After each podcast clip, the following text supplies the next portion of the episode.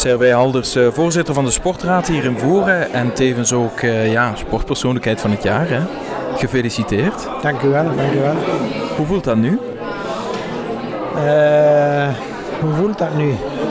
Ik denk dat ik dat al een tijdje heb kunnen beseffen, want ik heb gekozen om hier te komen in de plaats van mijn titel te gaan te verdedigen en ik voel me daar geweldig bij. Ja, want u had het eigenlijk al aangehaald in uw eh, toespraak.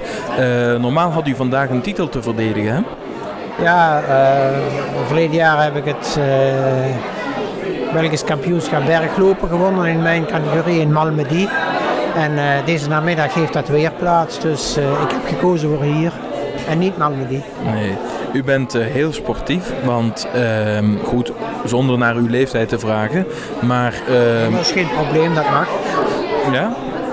En u- 67. 67. En dan nog zo actief bezig? Ik eh, ben normaal gesproken zes dagen op zeven met sport bezig. Meestal in de voormiddag. Ik ga één dag lopen, de dag daarna fietsen of mountainbiken. Als het mooi weer is mountainbiken. Dus de laatste tijd heb ik heel veel gemountainbiked. Ja, ja, ja. Maar lopen blijft mijn favoriete bezigheid. Maar ik wissel dat af om mijn benen wat te sparen. En, en, en wat vind je dan zo bijzonder aan dat sportief eh, bezig zijn? Want sommige mensen zien er echt tegenop als ze een uurtje per week moeten gaan sporten. Maar voor u is het haast gewoon eh, een dagelijkse bezigheid. Ik moet dat ook een beetje zien. Ik hou me ook bezig met de start-run en eh, start-up tot 10 kilometer. Daar zijn ook meisjes, jongens bij die gaan meelopen. Als die lessen om zijn, is het gedaan.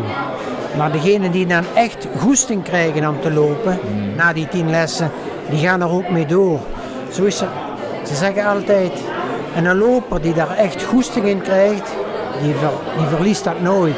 Dat is, ik zou bijna zeggen, een, eh, Een verslaving. een verslaving, ja. Dan mag je het zeggen. Zo mag je het uitdrukken. Ja, gaat het dan altijd om die kick of... Ja, als je wedstrijden wint is het een kick, ja.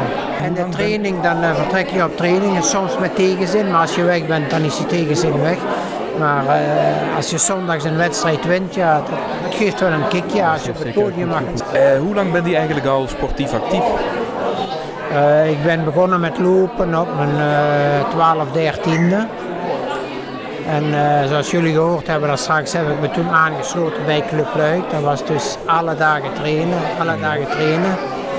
En op mijn 19e had ik er ineens genoeg van. Ik had er echt genoeg van. Toen ben ik gaan voetballen. Nooit een bal geraakt, maar toch gaan voetballen. Maar tussen het voetballen bleef het lopen altijd aanwezig. Als er geen voetbaltraining was, er geen lopen. En ik heb gevoetbald tot mijn 52e.